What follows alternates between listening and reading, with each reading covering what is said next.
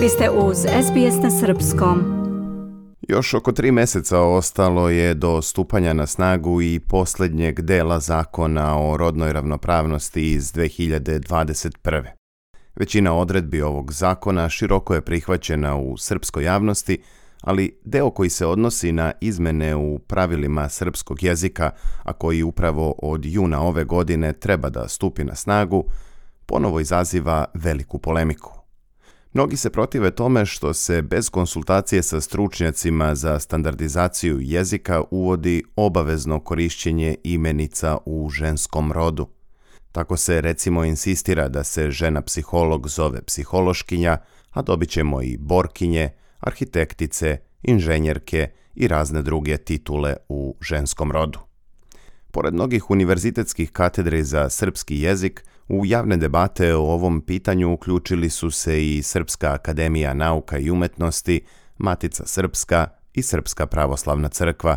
Ko sve smatra da je ovakva promjena dobra, a ko je s druge strane ocenjuje kao čisto političku i ideološku, čućemo od naše saradnice iz Srbije Mije Nikolić. Odavno jedan zakon usvojen u Skupštini Srbije nije izazvao negodovanje različitih delova javnosti, ali i podeljeno struke kao zakon o rodnoj ravnopravnosti.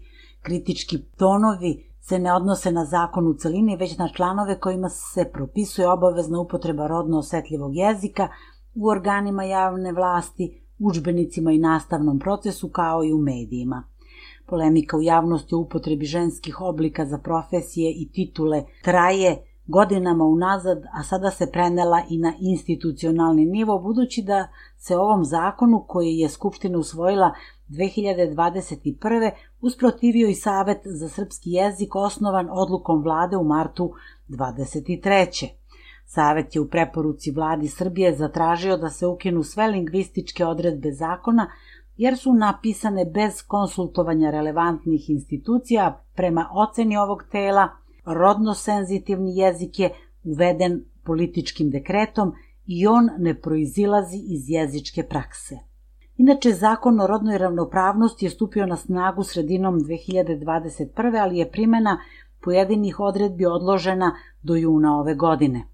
Ovaj zakon propisuje novčanu kaznu za državne organe od 5 do 150 hiljada dinara, to jest od 43 do 1276 evra za više prekršaja koji se tiču rodne ravnopravnosti. Jedan od njih odnosi se i na upotrebu rodno osetljivog jezika, odnosno uvodi se obaveza njegovog korišćenja u učbenicima i nastavnom materijalu, kao i u svedočanstvima, diplomama, klasifikacijama, zvanjima, zanimanjima i licencama, kao i u drugim oblicima obrazovno-vaspitnog rada. Iako su i mediji dužni da koriste rodno osetljiv jezik i time doprinose razvijanju rodne ravnopravnosti i suzbijanju rodnih stereotipa, ipak oni za kršenje ove obaveze neće plaćati propisane kazne. Negodovanjem protiv zakona prvi se oglasio odbor za standardizaciju srpskog jezika Srpske akademije nauka i umetnosti koji je 2021. naveo da se njime nameće korišćenje izraza poput vatrogaskinje, borkinje, psihološkinje, koji, kako se tvrdi, ne da nisu svojstvene srpskom standardnom jeziku, nego predstavljaju nasilje nad njegovim zakonitostima. Sličan stav iznela je i Matica Srpska uz podršku 30 akademika i univerzitetskih profesora, zatim Institut za srpski jezik SANU, katedre i odseci za srpski jezik i lingvistiku i za srpsku književnost na pojedinim visokoškolskim ustanovama u Beogradu, Novom Sadu, Nišu, Kragujevcu, Kosovskoj Mitrovici, Somboru, Novom Pazaru, Užicu.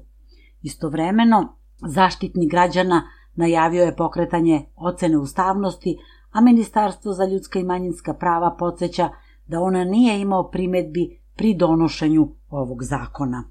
No ovaj deo kritičara ističe da niko iz struke nije konsultovan, da je neprihvatljivo da se ljudski rod deli na rodove, to jest da se razlike izvedene iz pola, dakle iz onog što je nužno dvočlano, predstavi kao rod i time stvori prostor za uvođenje novih rodova. Da je na delu ideološko učitavanje u lingvističku materiju, a ideologija se zasniva na principu mi to tako vidimo. A ako imate kako ja kažem, tako je, bez argumenata, onda vi ne dozvoljavate razmenu mišljenja, kaže Jovan Karadić sa Instituta za srpski jezik Srpske akademije nauka i umetnosti. Viktor Savić, profesor na Filološkom fakultetu u Beogradu i viši naučni saradnik Instituta za srpski jezik SANU, kaže da politički komesari u struci u ovoj stvari zastupaju stanovište ideologije, a ne lingvistike i nauke o srpskom jeziku, da je veći deo struke protiv obavezne primene rodno-senzitivnog jezika, preko čega se uvode verbalni delikt i cenzura. Vidimo ekstremna shvatanja koja ideologija zahteva od svih. Imamo sužavanje ili isključivanje već postojećih prava kojima raspolaže čitava jedna nacija u pogledu upotrebe jezika. Nameće se da svim osobama ženskog pola, znači onima koje to ne žele, u diplomi mora da piše doktorica ili doktorka, inženjerka, arhitektkinja ili arhitektica. Izvinite, gde je tu sloboda, gde je demokratski izbor, ostala je samo prisila, stvara se u stvari netolerancija, kaže profesor Savić. Protiv rodno osetljivog jezika su i desničari, a ustala je protiv njega i Srpska pravoslavna crkva. Patrijarh Porfirije je zatražio da se ukine nasilje nad srpskim jezikom, da se ukinu lingvističke odredbe protiv ustavnog zakona iza koga se, kako je naveo, krije borba protiv braka i porodice. Pod plaštom ukidanja takozvanih rodnih stereotipa nameće se promena svesti i načina života pojedinaca i društva u celini, promoviše se ideologija, politika i praksa LGBT-a+, navodi se u jednom od zaključaka naučnog skupa Srpski identitet, srpski jezik i zakon o rodnoj ravnopravnosti, koji je u januaru ove godine organizovala Srpska pravoslavna crkva. Profesorka Dubravka Valić-Nedeljković, lingvista, to jest lingvistkinja, kaže da rodno osetljiv jezik omogućava da svaki rod izrazi svoju profesiju u odgovarajućem obliku. Ako vam nešto ne zvuči baš najbolje, ponovite to 20 puta ili 100 puta i onda će zvučati odlično, savetuje ona. Deo filologa iznosi sličan stav uz ocenu da rodno osetljiv jezik čini žene vidljivijim, a njegovo skraćivanje jeste diskriminacija. Boban Arsenijević, profesor lingvistike na Univerzitetu u Gracu, smatra pak da zakonom ne treba propisivati pravila i kazne za upotrebu jezika jer je jezik živ i prilagodljiv organizam, no ističe i da upotreba rodno osetljivog jezika ne može mnogo uticati na ravnopravnost žena i muškaraca u društvu. Neravnopravnost žena se ne sastoji u manjoj vidljivosti kroz jezik, već mnogo jače u vrednostnim predstavama. Ona je slabija, manje inteligentna, manje sposobna, manje hrabra, kaže on. Dodaje da je rodnu ravnopravnost potrebno promovisati na mnogo širem planu da bi imala efekata. Ako društvo nije spremno da iznese sprovođenje nekog zakona, ono neće živeti, osim simbolično.